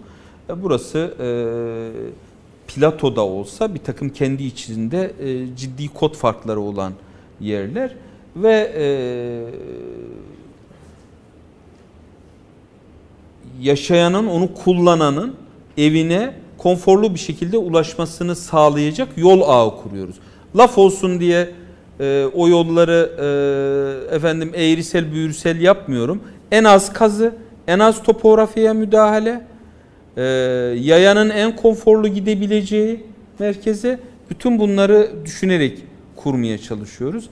Yani e, böyle bir e, hassasiyetimiz var ama her yerde bu olabilir olma yani şehrin İstanbul gibi bir şehirde de yani e, düşünüyoruz ama ne kadar olur uygulamada onu bilemiyorum yani. Başka soru yoksa abi, siz de- Ben şöyle bir soru soracağım. Yanlış bir şey yapıyorsam baştan kusura bakmayın. Ee, Plan ve proje aşamasında aslında sizler istenenin fazlasını ortaya koyduğunu kendiniz belirttiniz ve aslında bu projenin uygulanacağını ya da uygulanmayacağı konusunda kesin bir şey olmadığını söylediniz. Sizde bir durumda motive eden unsur ne? Ee, Ben uygulanmayacağı konusunda endişem yok aslında. Ömer Bey'in çok fazla endişesi var. Ee, şöyle ki Benim tam tersine ben uygulanacak da sizin hayal ettiğiniz gibi Ha olur mu? tamam. Yo yo inşallah. yani projenin uygulanabileceği endişeniz var ya o anlamda söyledim. Ee, bizi motive eden ne oldu? Bence güzel soru. Bizim e, şehirle ilgili söyleyecek sözümüz vardı, konuşuyoruz. Ee, söyleyecek sözün varsa konu geldiğinde de bir şey ortaya koyman lazım. O zaman bizden istenenin fazlasını yaptık. Çünkü e, bu e, sözümüzü ancak projede ifade edebilirdik. On, motivasyon sadece bu. Güzel bir soru. Çünkü 40 derece sıcakta araziyi gezmek diye bir mecburiyetim yok. Ortaya çıkardıktan sonra o noktalar hakikatte sahada neye tekabül ediyor? Gidip görmek. Bu bir motivasyon. Yani. Evet. Peki başka soru var mı? Yani e, evet. Burada ortaya çıkıyor sorular. Öncelikle çok teşekkürler bunu bizimle paylaştığınız için. Ben şimdi sizin çalışmanıza bakınca Antep'in bir çocuğunu görüyorum bir yerde. Yeni nesil bir e, imajını görüyorum ama şunu çok merak ediyorum. Şimdi sizin bu çalışmanız şu tabloya baktığımda beni hayran bıraktı. 4 sene olmuş. Antep ise binlerce yılca süre gelen bir şey. Siz şimdi o sentezleri yaptıktan sonra böyle bir çalışma yaptınız ve mekanlar tasarlamışsınız. Benim en çok merak ettiğim şey şu. Antep o süreçten bugüne yaşanılabilir yer olarak en çok yanlış yaptığınız şeyler neydi Antep üzerinde? Ve siz onu burada ne kadar e, düzeltip bir projeye yansıttınız? Yani Antep bir anda olmuş bir şehir değil, organik bir şehir. Biz orada bugüne gelene kadar neleri çok yanlış yapmışız da projeye bunları aktardık ya da onları burada kurtardık. Ben çok merak.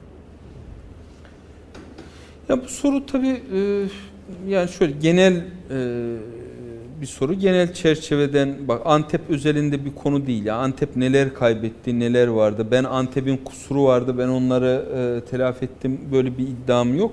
E, en azından onu kendi bağlamında değerlendirmeniz lazım. Antep, geleneksel Antep'i e, kendi bağlamında, kendi döneminde, kendi zamanında değerlendirmeniz lazım. Eee Ha ona eklenen yeni şehirler ve yeni yapılaşma diyorsanız o Antep'te değil İstanbul için de geçerli. Başka bütün şehirlerimiz için geçerli. Neticede biz bunlardan şikayet ediyoruz. Şehirde yaşayanlar olarak mimar olmamız gerekmiyor bu şikayetlerde. Ee, birincisi bu ama e, ortak nokta tabii ki var. Ortak nokta bence şehri e, yaşatan ortak nokta ticaret. Hep böyle oldu yani. Eğer siz ticareti, onu üreten, onu besleyen kanalları e, planlayamazsanız, orada ikame etmesini sağlayamazsanız o şehir yaşamaz. Hep böyleydi yani tarihte de. İstanbul'da böyleydi, başka şehirlerde böyle. Bir soru daha vardı galiba. Siz de buyurun lütfen. TOKİ'nin cami yarışması var. Şu an TOKİ yarışması. Gaziantep'te iki tane Hı hı. 200 kişilik bir de 1000 kişilik. Ee, galiba sizin e, düzenlediğiniz meydanda diye tahmin ediyorum. ben. Ee, şu an, e, sizin o meydandaki cami hakkında bir öngörünüz var Ee, ben Şöyle e, yarışmanın hangi alanda bu alanda mı olup olmadığını bilmiyorum. Yani e, Böyle, e, genel bir çerçeve vermişler. Ben benzer öyle söyleyeyim. e, o, Yüzden, e, siz çok ince ayrıntısına kadar bir e, öngörüde bulunmuşsunuz açıkçası. Oradaki kendi meydanındaki oluşacak cami içinde bir öngörünüz var mı? Ee, şöyle bizim buradaki e, ben yarışmayı bilmiyorum. Yarışmanın e, açıkçası şartnameyi de almadım şu ana kadar. E, camide yapmak isterim bu arada. E, mimari ofis olarak. E, ancak e, biz buradaki bütün camilerle ilgili biraz önce rehberden bahsediyorken yoğunluk anlamında, fonksiyon anlamında e, ve müştemilatların parselle kurduğu ilişki anlamında bir takım e, ne diyelim kısıtlar ve şartlar getirdik. İşte minare şu bu gibi e, şartlar getirdik. Eğer o yarışma buradaysa o şartları ne kadar aldı, ne yaptı onu bilmiyorum. Benim hiç haberim yok yani. Başka var mı sorusu olan? Yoksa e, size geldiğiniz için, size bu sunum için teşekkür ediyorum tekrar. Şehir konuşmaları umarım devam edecektir. Bu kadar dolu dolu e, olduğuna göre belki bir, bir konuşmada daha sizi misafir ederiz. Çünkü her şeyi de konuşamadığınızı e, görüyorum. E, yine görüşmek üzere. Hepinize iyi günler. Size Teşekkür ediyorum bütün dinleyicilere e, sabrından dolayı.